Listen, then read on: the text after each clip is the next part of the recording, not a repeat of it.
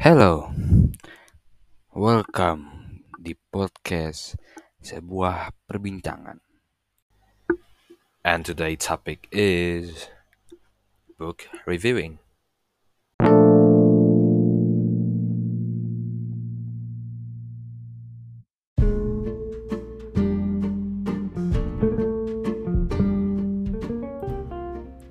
So, hi.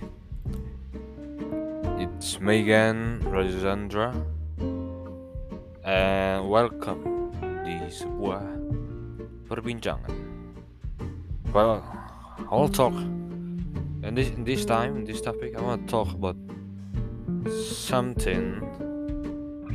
It's a review. Yeah, I'm just gonna say it's like yeah, I mean it is a review. A review about something you people already know about. Maybe some of you, but I'm pretty sure a lot of people already know about it. And yeah, it's actually a book. It's a book, but the book is a, is not very popular. But the popular is actually the game one. So the book is not very popular, but the game is more popular than the book. Well, the game name is Assassin's Creed Brotherhood. So the book name is also Assassin's Creed Brotherhood. So, jadi kali ini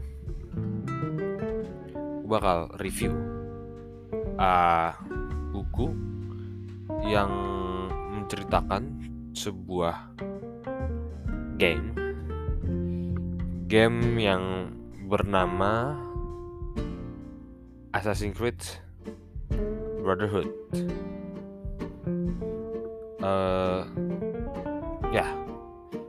so berawal dari identitas novela. Judul novela adalah Assassin's Creed Brotherhood. Penulisnya adalah Oliver Bowden. Bukunya diterbitkan oleh PT Publishing House. Ini terbit untuk cetakan pertama adalah Juli 2011. I bought it in 2015, trust me.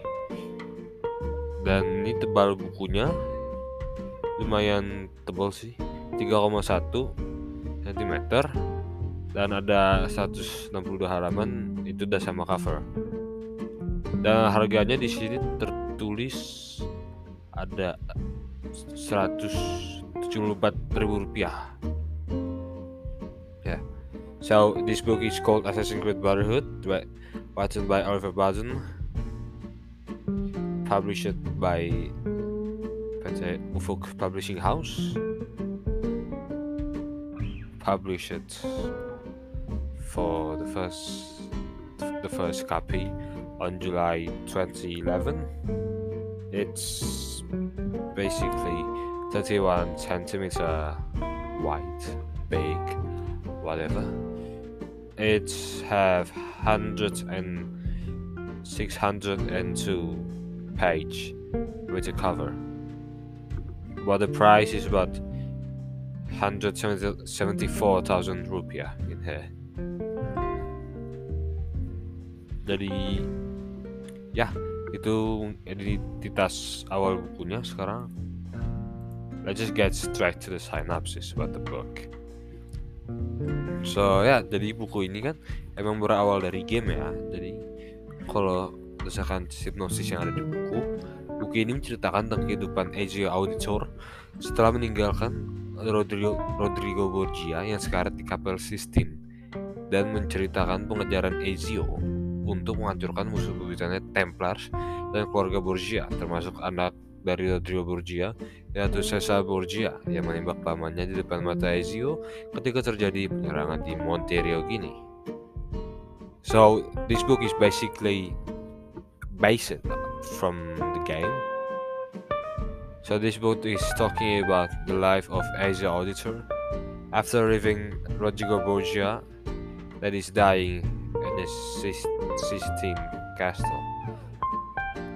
The story continue for Ezio to destroy his enemies Templar and chasing the the Borgia family including the son of Rodrigo Borgia, which is Caesar Borgia, that shot his uncle right in front of Ezio I when there's an attack in Monterio, Guinea.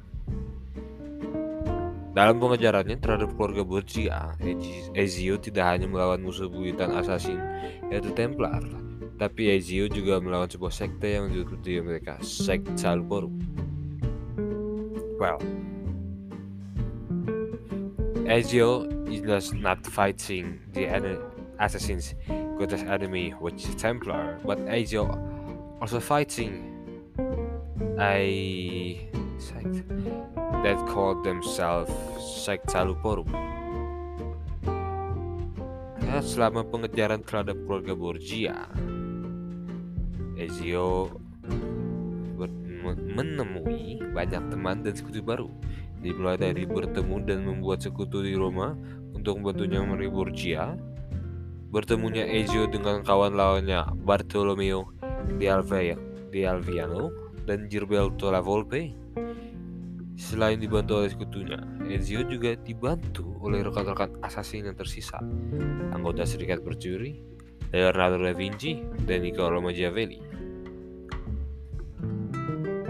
Well, alongside with the chase of the Borgia family, Ezio has been meeting a lot of new friends and allies, such as with a meeting in Rome allies in Rome and fighting the Borgia, and then the myth of Ezio meeting his old friend Bartolomeo di Alviano and Gilberto La Volpe, and then being helped by the allies. Ezio was also helped by the last assassin that is still remain in Italy. That Salvador Leonardo da Vinci, and Niccolo Machiavelli. Hubungan antara Ezio dan Machiavelli sempat terganggu karena Gilberto sempat merasa bahwa Machiavelli mengkhianati mereka. Ia percaya bahwa Machiavelli adalah dalang di balik penyerangan di Monterio Gini. Well, the relations between Ezio and Machiavelli some kind of disturbance because Gilberto has felt, has a feeling that Machiavelli betrayed him. He trusts that Machiavelli is the guy behind the attack in Monterrey. Dalam buku ini terdapat pula cara Ezio mendapatkan kembali apel sis apel yang diambil oleh Rodrigo. Penjara, penjara tidak hanya terjadi di rumah saja, tapi Ezio terus mengejar sisa dari keluarga Borgia hingga ke Spanyol. Hmm. In this book, there is also a story about Ezio taking back the apple back from Rodrigo. And the chase is not happening in Roma, but Ezio keep chasing the Borgia family to Spain. To Spain. Well, ya udah dibilang juga tadi bukunya emang berasal dari video game.